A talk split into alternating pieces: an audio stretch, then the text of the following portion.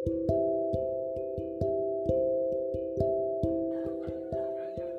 sudah sampai di titik nol, tarik nafas.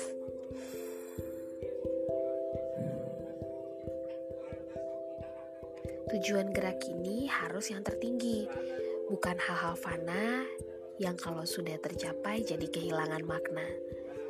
Tujuan dan keinginan sejalan, tapi bukan hal yang sama. Tujuan adalah titik teratas yang jadi simbol garis finish, sedangkan keinginan adalah hal-hal yang diharapkan bisa ditemui selama perjalanan ke tujuan.